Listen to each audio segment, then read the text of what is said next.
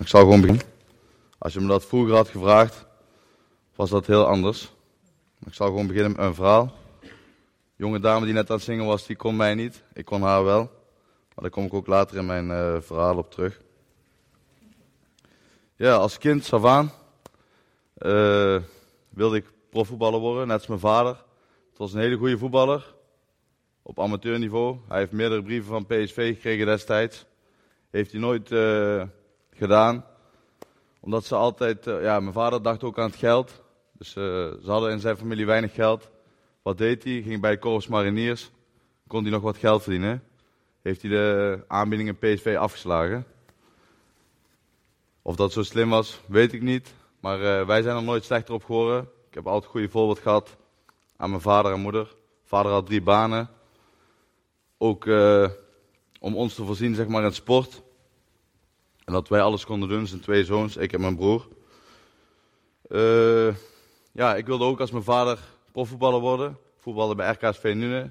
Altijd in de selectie-elftallen, de hoogste elftallen. Op een gegeven moment werd ik gescout voor FC Eindhoven, betaald voetbalclub. Ik viel af bij de stage. En zoals eigenlijk altijd, terugweg, ruzie met mijn vader. Ja, je bent bang voor de bal, kunt er niks van. Terwijl we wel als enige team, ik weet niet of het nog steeds is, maar destijds waren we het enige team dat twee keer het PSV Master toernooi op rij had gewonnen als amateurclub. Dus dat wel degelijk kwaliteit. Helaas viel ik af. Wil ik graag een bijbeltekst uh, bijpakken. Uh, Jesaja 46:10, ook een van mijn favorieten. Ik verkondig u van het begin af aan de afloop van wat er gebeuren gaat. Wat ik heb bepaald zal gebeuren zoals ik heb besloten. Ik denk ook dat God vanaf het begin af aan bij ons is en mijn leven eigenlijk heeft geleid. Ik heb heel weinig tegenslagen gekend uh, en heel veel zegeningen. Ik ben dan afgevallen bij de stage, FC Eindhoven, professioneel voetbalclub. Ik moest van mijn vader wel iets in sport gaan doen en uh, mijn eigen daar 100% voor zetten. Dus nou, dan ga ik karate doen. Ze hebben een paar scholen afgegaan, was ik altijd de jongste. En uh, uiteindelijk zo bij een kickboxschool terechtkomen. Nou, de eerste training heb ik best wel wat klappen gehad. Ook een bloedneus. En uh, ja, ik kon heel slecht tegen mijn verlies. En mijn vader zei ook altijd, ik ben bang voor de bal. Dus eigenlijk, om hem te bewijzen zeg maar, dat ik niet bang was, elke keer teruggaan. Drie keer in de week. Op een gegeven moment werd dat vijf keer in de week. En zo twee keer per dag. Tot uh, eigenlijk twee jaar geleden. Maar uh, de jeugd, in de jeugd, ja, ik denk dat in de kickboxwereld iedereen mij nog kent van mijn jeugdpartijen. We verloren, ja, van de 100 plus partijen heb ik er 9 of 8 verloren in de jeugd. En dat is, uh, we vochten elke week, ook toernooien. Vocht je op zaterdag een toernooi, mocht je op zondag weer vechten. Dat is nu helaas wel anders. Toen was ook nog niet bekend dat, uh, ja, dat je schade kon oplopen op je hoofd van de klappen.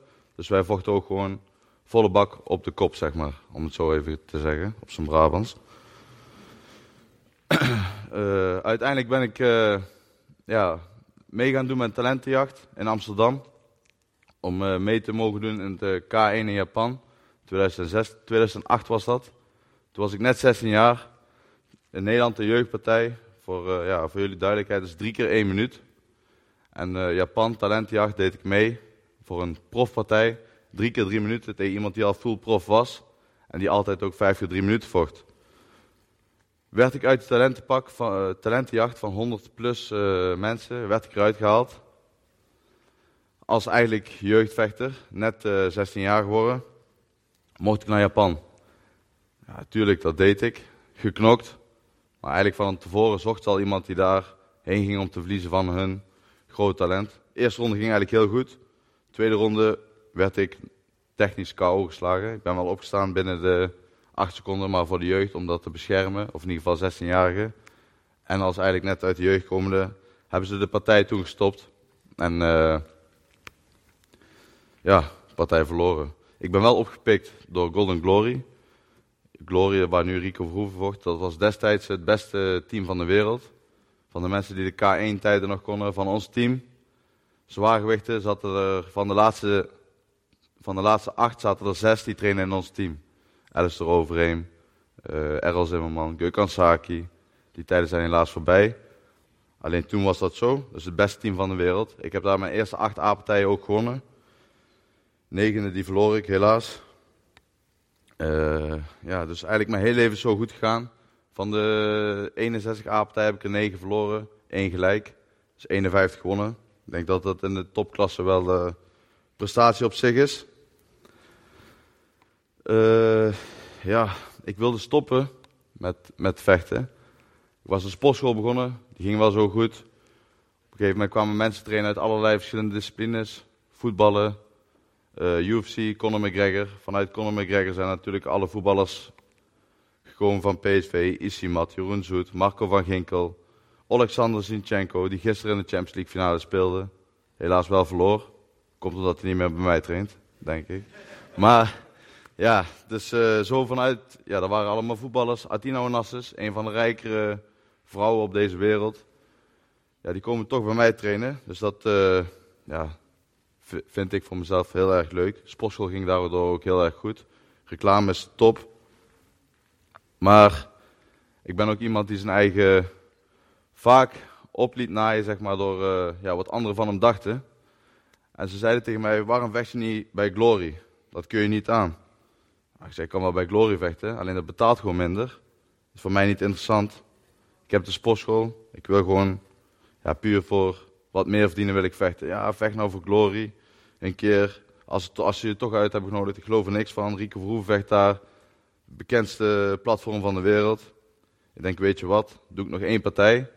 En die partij die vecht gewoon voor Glory. Dan zijn die mensen in ieder geval allemaal stil. Wat doe ik? Ja, knok voor Glory. En ik, uh, ik win die partij zo dusdanig goed. Hun deelden dat uh, op hun uh, social media. Ik was de eerste partij van de avond. Rico Verhoeven vocht later ook. ja, die partij van mij werd in, in de stadion heel weinig bekeken, omdat het gewoon ja, het voor 80% nog leeg was. Later zat dat overigens helemaal vol.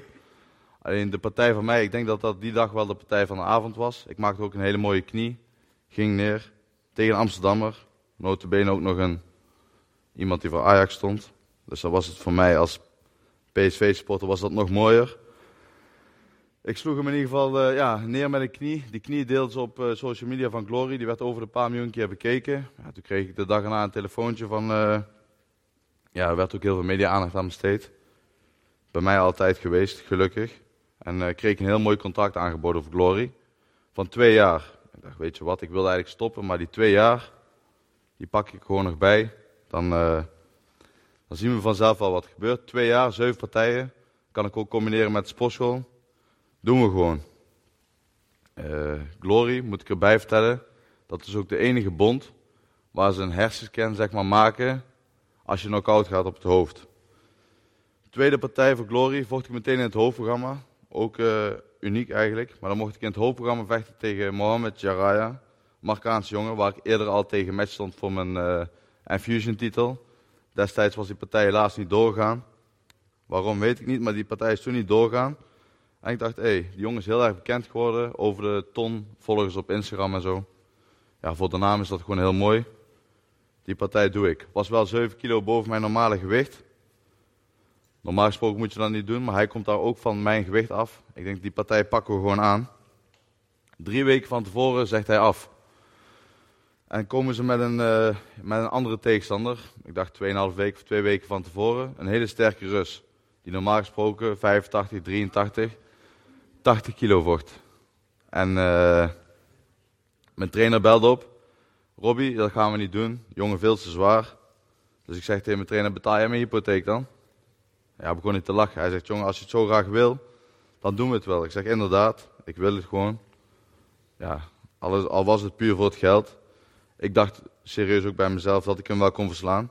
Wedstrijd begint. Ik liet de eerste 40, 50 seconden. Want de partij heeft niet zo lang geduurd. Misschien een minuut of anderhalf. Maar de eerste minuut ging perfect. Hij raakte me niet. Ik, denk, ik dacht bij mezelf nog, hij gaat zo meteen opgeven op low kicks. Want die, die gaf ik hem best wel goed. Kreeg een rechtse directe. Ja, dan merk je toch dat krachtverschil. Was ik al wankel. Ik kreeg nog een rechtshoek overheen. Op mijn achterhoofd ging neer. Zoals moslims bidden tot Mekka, zeg maar, met gezicht op de grond. Ja, viel ik zonder handen, met gezicht naar de grond. En uh, ja, knock-out, helaas. Ik stond wel op binnen acht seconden, maar heel wankel. En de scheidsrechter stopt weer voor eigen... Ik ben trouwens ook nooit blijven liggen na een uh, knockdown. Ik denk dat dat uniek is. Over de 200 partijen ben ik nooit echt, echt knock-out gegaan. Ik ben altijd opgestaan. Die partij had het wel kunnen gebeuren, denk ik, als de scheidsrechter het had laten doorgaan. Maar goed, als, dat is mooi praten achteraf. Ja, ik ben knock-out gegaan. Uh, Glory zegt, je moet een herscan doen. Ik zag dat helemaal niet zitten, een herscan. Dus ik begon meteen op uh, social media mijn, uh, de nummer 1 in mijn eigen gewichtsklasse uit te dagen. Niemand wilde tegen die uh, Thaise jongen vechten. Destijds, City denk ik dat het ook de beste was van Glory. Niemand wilde er tegen vechten. De nummer 1 tot 5 had al van hem verloren. Dus ik dacht, waarom dan niet ik? Ik was op nummer 6 geplaatst in mijn eigen gewicht. En ook op de 77 kilo op nummer 6. Ik begon hem uit te dagen op social media. Glory belt op. Ja, dat is niet de bedoeling. Ik dacht, mooi. Als ze mij gaan bellen dat het niet de bedoeling is, dan zitten we al dichtbij. Dus ik ben doorgaan met uitdagen. Ik zeg, jullie plaatsen mij op nummer 6. De eerste, nummer 1 tot 5, heeft al van hem verloren. Ik denk dat ik dan wel aan de beurt ben. Nummer 1 had trouwens al vier keer van hem verloren. Marat Grigorian. Ook een hele goede vechter overigens. Uh, ja, uitdagen. Op een gegeven moment was zo dichtbij. Die partij zou komen in Utrecht. Helaas, uh, die dag. Ja, ik moest, de partij zou komen, maar ik moest van tevoren wel een herscan doen. Die herscan, ja, ik heb hem uitgesteld. Drie maanden. Tot uh, maart 2018. En eind maart 2018 zou de partij zijn. herscan uitgesteld. Uiteindelijk toch gegaan, na drie maanden. Ja, achteraf zeggen ze had maar eerder gaan, maar dat is achteraf weer. Ik ben gegaan en de dokter zegt, ja, we zien iets op je achterhoofd. Lijkt op een gezwel, maar je moet nog een keer terugkomen voor een test. Ja, dat is goed. Dus eigenlijk heel nuchter naar huis. Ik dacht van, ja, het zal wel. Naar huis gaan, terugkomen. Ja, hij zegt, jongen, ik heb nieuws. Uh, goed nieuws en slecht nieuws. Ik zeg, doe maar goed nieuws eerst. Jouw hersencapaciteit is van de klap op je hoofd, is niet achteruit gaan. Slechte nieuws, dat is nieuws wat ik aan niemand wil vertellen. Hij hebt een uh, ja, kwaadaardig tumor, of ja, een tumor op het achterhoofd. Achteraf bleek dat ook kwaadaardig tumor te zijn. Dus dat betekent dat je ongeneeslijk ziek bent. In ieder geval in de ogen van de dokter. Ja, ja, ja. want wat bij de mensen onmogelijk is, is, bij, is mogelijk bij God. Uh, ja, ik heb het nieuws heel erg nuchter opgepakt. Ik voel me eigenlijk ook er nog steeds niet slecht door. Ze zeggen ook van, uh, ja, maak je eigen nooit geen zorgen. Ken geen angst. Uh, Jesaja 43, 16 als ik het goed heb. En nooit geen zorgen, Filippenzen 4.6. Maar ja, geen angst staat er denk ik 365 keer in als dagelijkse herinnering. Geen angst. Ik heb ook eigenlijk nooit geen angst gehad. En eigenlijk was ik zelfs blij dat ik de tumor heb gekregen. En niet een van uh, mijn drie kinderen of mijn vrouw, zeg maar. Ik bid ook elke avond. Uh, ja, sinds 2016 kom ik dadelijk op terug. Maar ik bid elke avond en dan zeg ik: God, mocht er ooit iets gebeuren, laat het dan met mij zijn en niet met kinderen. Dat is serieus waar. Of met mijn vrouw. Als mijn vrouw zou doodgaan en ik ben nu alleen met drie kinderen. Elke vader weet wat het is. Ik denk al één kind. Die, uh, ja. Dus als er iets mag gebeuren, dan met mij. Ja, ja. Even later werd dat gebed ook voor, ja, beantwoord, zeg maar. Tumor in het hoofd dan jammer, maar ik denk dat ik er nog uh, ja, redelijk op tijd bij ben. Ik denk dat ik ook nu, ik was laatst uh, uitgenodigd door Edward, een lezing bij Matthäus van der Steen. Ja, ik kwam binnen, ik werd echt weer, werd echt aangeraakt en vanaf dat moment denk ik ook gewoon van, ja, ik ben gewoon genezen denk ik. Ze hebben meerdere malen, meerdere malen gebid, gebeden voor mij. ja, ik probeer me een beetje aan de richtlijnen te houden. Vandaar dat het af en toe. Ja, ze hebben meerdere malen gebeden voor mij. Maar ik denk echt serieus waar dat ik, uh, dat ik gewoon genezen ben. 28 juni zal het, uh, zal het blijken. Mocht het niet zo zijn, dan, ja, dan is het nog niet erg. Gods plan is groter dan dat van ons. En ja, Filippenzen 1:21 toch? leven is Christus en sterven is winst. En het lijden dat wij hier doormaken op aarde, dat is niks met de heerlijkheid die we straks gaan meemaken. als je zo kunt denken, ja, dan denk ik dat dat voor iedereen toch wel uh, uh, ultieme gevoel van rijkdom is. Ik ken echt geen zorg en ik ken echt geen angst. In 2016 is dat begonnen. Ben ik uh, vast komen te zitten in uh, cel in Rotterdam. Arrestatieteam, die klapte bij onze deur eruit. Ik had mijn auto uitgeleend van tevoren. En daar is een poging tot overval mee gedaan. Poging tot, waarom? Het is niet gelukt. Maar er is een poging tot overval gedaan met een wapen op een ouder echtpaar. Waar ik sowieso al voor oudere mensen veel respect heb. Dat zou ik dus nooit doen. Ik wist ook absoluut niet dat het ging gebeuren. Achteraf gelukkig ook gebleken, want ik ben uh, daarvoor vrijgesproken. Maar uh, ja, ik zat in de cel in Rotterdam, dag 1. kwam advocaat al. Ja, mijn vader had meteen een uh, ja, goede advocaat. Hij ja, zag ook zijn, enige, of zijn oudste zoon gevangenis. Die denkt, uh, ja, ik ben hem uh, een tijdje kwijt. Poging tot overval. Advocaat komt, hij zegt, jongen, zeg nou maar gewoon aan wie je de auto hebt uitgeleend. Ben er vanaf. En anders, ja, medeplichtigheid. Maar mijn vader heeft me altijd geleerd, nooit verraaien, nooit. Ja. Ik zat daar, ik zeg, ja, sorry, dat kan ik niet zeggen.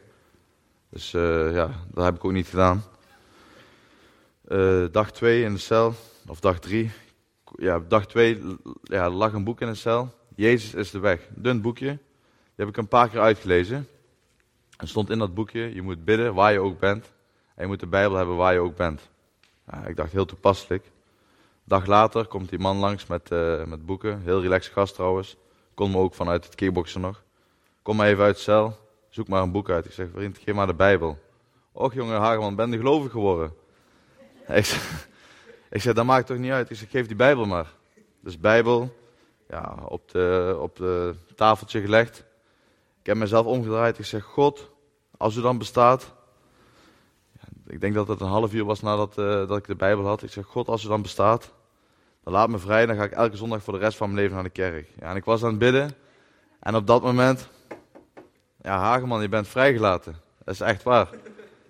Ik sta op, ik zeg, vriend, vrijgelaten word ik overgeplaatst, want het was uh, inmiddels dag drie.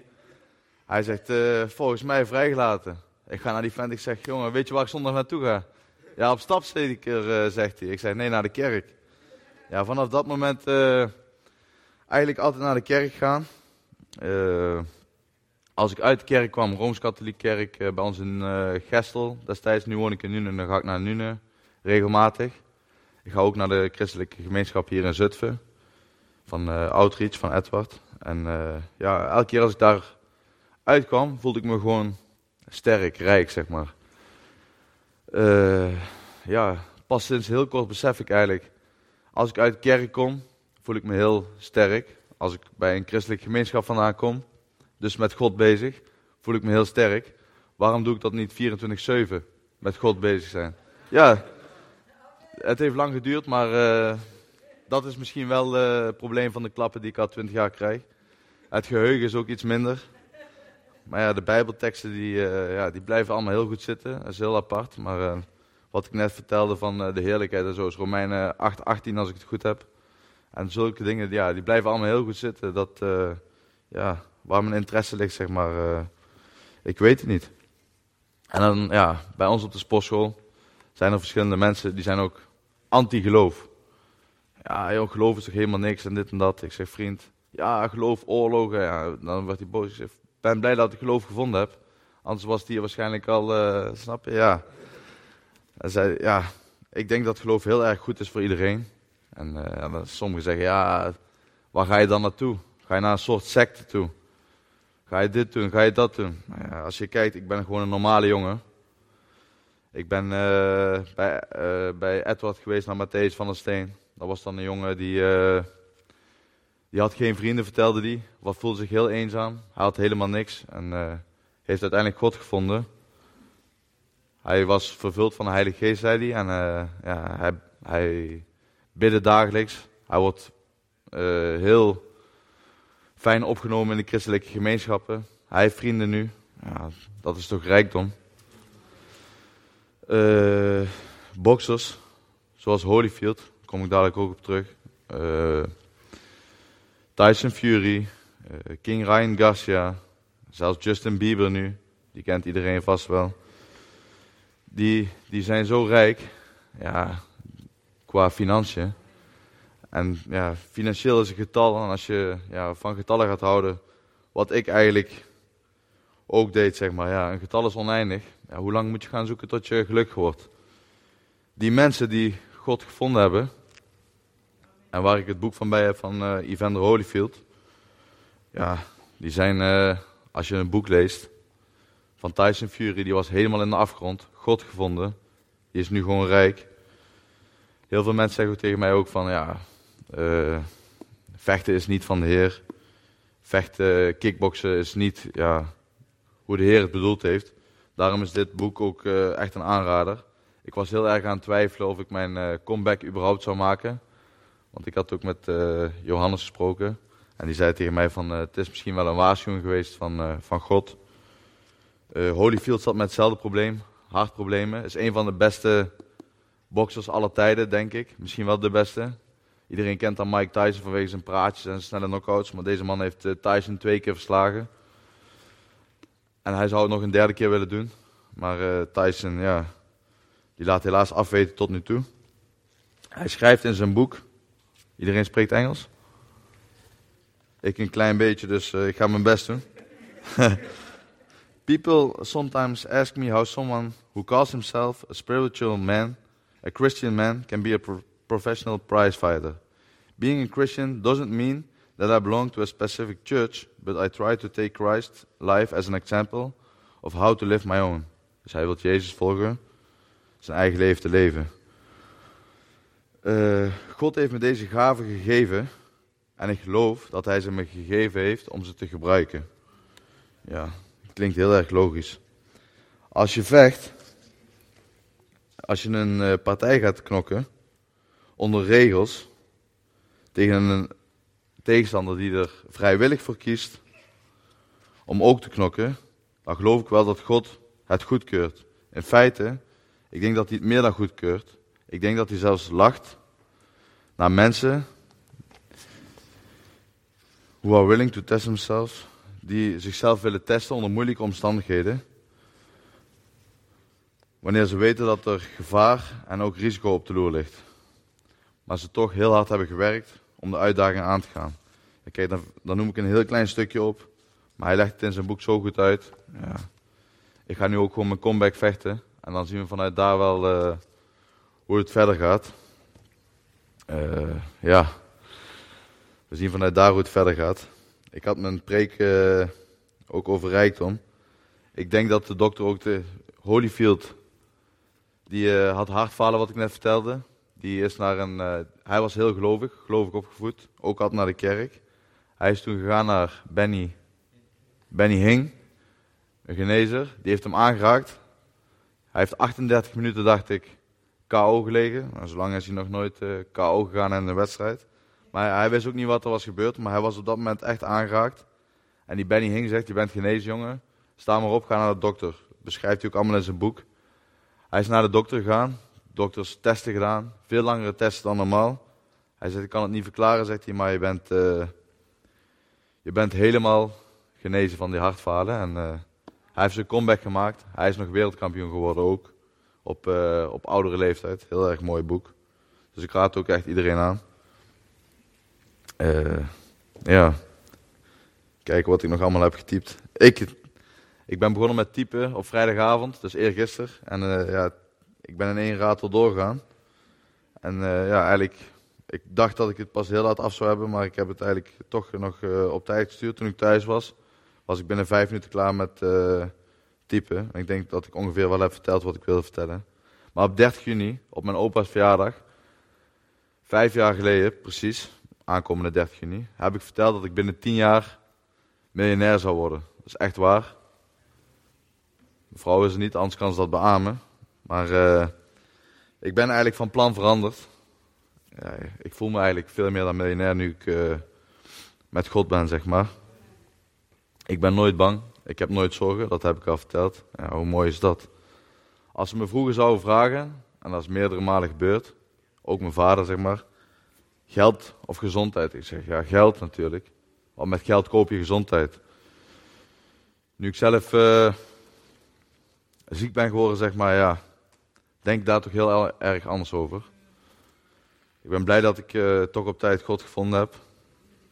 En ja, wat er vanaf nu mocht gebeuren. De dokter zei dat de tumor zeker terugkwam. En dat ik, uh, als het goed was, dood zou gaan aan een tumor. Maar hij zei dat kan binnen drie dagen zijn, maar dat kan ook binnen 30 jaar. Dus uh, het is nu al 2,5 jaar verder. En ik voel me nog steeds, uh, ja, ik voel me steeds sterker worden eigenlijk. ik heb mezelf opgegeven voor een programma. En uh, ja, dat heeft meer dan een miljoen kijkers. Ik kan nog niet zeggen welke, maar ik zit er heel dichtbij. Dus dat zou ook heel erg leuk zijn. ja, ik denk dat God mij wel grote platformen geeft om toch ja, hem te loven, zeg maar. Lezing heb ik het over gehad van Matthäus van der Steen.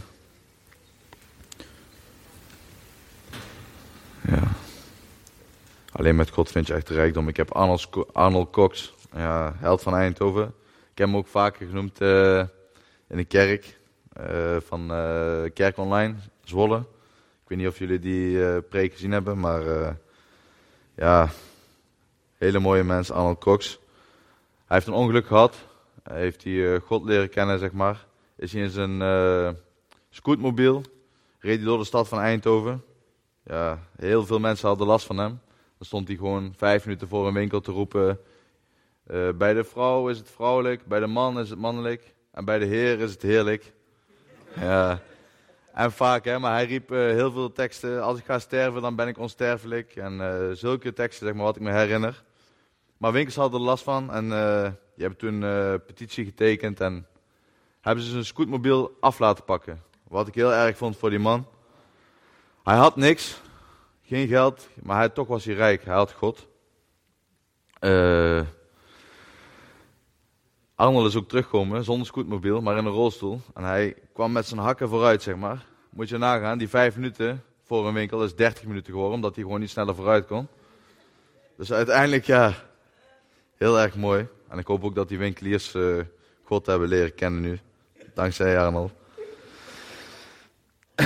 ja, ik zeg altijd, voorkomen is beter dan genezen. Ik ben altijd wel, ja, wat later echt voor God gaan leven, terwijl ik wel uh, katholiek gedoopt ben op, uh, ja, vanaf mijn geboorte eigenlijk. Uh, na, de, na de cel ben ik meer voor God gaan doen. Uiteindelijk ook glory. Dus eigenlijk ben ik God dankbaar dat ik nog oud ben gegaan en ze de tumor redelijk op tijd hebben gevonden. Ik denk zelfs dat ik er helemaal vanaf ben, maar dat heb ik al gezegd. ook No Surrender. Uh, ja, mijn broertje zit bij een motorclub, No Surrender. Zijn keuze. Mijn sponsor is uh, de eigenaar van No Surrender. Hele goede vent. Uh, die was ziek geworden. 12 kilo afvallen. Drie keer bijna in coma gelegen. En als ik één jongen ken die, ja, die nooit zou bidden, zeg maar. Dan is dat zijn zoon. En die zoon belt me op. Hij zegt, ja, je gaat toch altijd naar die christelijke bijeenkomst en zo. Ik moet het nummer hebben van, uh, van die priester, zegt hij. Hij bedoelde Edward. Ik zeg, uh, ik zeg, zal je het nummer geven. Hij heeft Edward gebeld. Samen gebeden aan de telefoon. Nou, als je iemand kent die nooit zou bidden, zeg maar. En die alles doet wat God heeft verboden. God verboden of gedaan heeft. Dan, uh, ja, dan is dat hij wel. En ja, ook zulke mensen komen tot geloof. Maar ik, ja, ik zou iedereen aanraden. Waarom wachten tot er iets ergs gebeurt? Ja, ga er gewoon voor leven. En uh, ja, ik heb ook gezegd dat Gods plan groter is dan ja, van u of mij. Dat wil ik nog een keer benadrukken. Dus als ik niet genezen word, of ben, ik denk van wel, want Christus heeft voor ons betaald met zijn dood. En niet, hij heeft niet half voor ons betaald. Dat heeft een uh, man mij ook gezegd bij de lezing. Ik, is zijn naam? Jij kent hem. Die naast ons kwam zitten op zijn hurken. Hans Maat, kennelijk een bekende in de christelijke wereld. Ik kon hem niet, maar hij zei dat tegen mij. God heeft uh, voor ons betaald in volle glorie en niet voor de helft. Dus hij zegt, uh, ik denk ook zeker dat je genezen bent, zeg maar. Is het niet zo, dan is het uh, voor mij persoonlijk is leven Christus en sterven gewoon winst. Ja, wil ik afsluiten met de jonge dame. Ik ben naam kwijt, maar ik lag in het ziekenhuis en ik kreeg, ik heb er echt heel erg veel aan gehad. Ik kreeg een bericht van een uh, Molux Indisch, Indisch meisje. En uh, die stuurde een nummer met lopen op het water. Dus uh, dat duurt zeven minuten. Ik dacht, god man, zeven minuten. ja, ik klik dat nummer aan. Ik heb dat nummer op repeat gezet en lopen op het water. Ik heb er echt heel erg veel aan gehad, in het ziekenhuis ook. Ja, ik kreeg op een gegeven moment hoofdpijn van al die vragen beantwoorden. En ik heb lopen op het water opgezet op repeat. Ja, ik denk dat die wel... ik denk dat we sliepen op een gegeven moment met z'n drie op een kamer. Ik denk dat die gasten naast mij er gewoon gek van werden. maar dat, ja, ik ben ermee in slaap gevallen. En ik slaap nooit met muziek, maar ja, zo, zo ken ik uh, jou, dus dat is heel erg leuk. Ook, ja, je kan het geen toeval noemen dat jij vandaag ook, ik hoorde dat je niet heel vaak hier was. Eén keer in de zoveel tijd, ja, dat is toevallig dan vandaag, zeggen ze. Ja, ik vind dat heel mooi. Dus ik hoop dat jullie wat aan mijn verhaal hebben gehad. En ik hoop ook zeker dat het bemoedigend werkt voor de mensen die niet in God geloven. Ja, als je kijkt, professionele boxers, mensen die alles al denken te, of waarvan wij denken dat ze alles al hebben, en Justin Bieber, uh, die komen allemaal uiteindelijk nu tot God. En ik denk dat dat uh, voor heel veel mensen toch voorbeelden zijn.